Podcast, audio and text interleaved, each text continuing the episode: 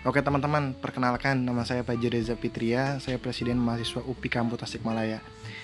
Nanti teman-teman pendengar podcast saya akan mendengarkan beberapa podcast yang direkam, baik itu bersama petinggi yang ada di kampus kita maupun obrolan saya, saya pribadi. Jadi tetap stay tune dan semoga menyenangkan.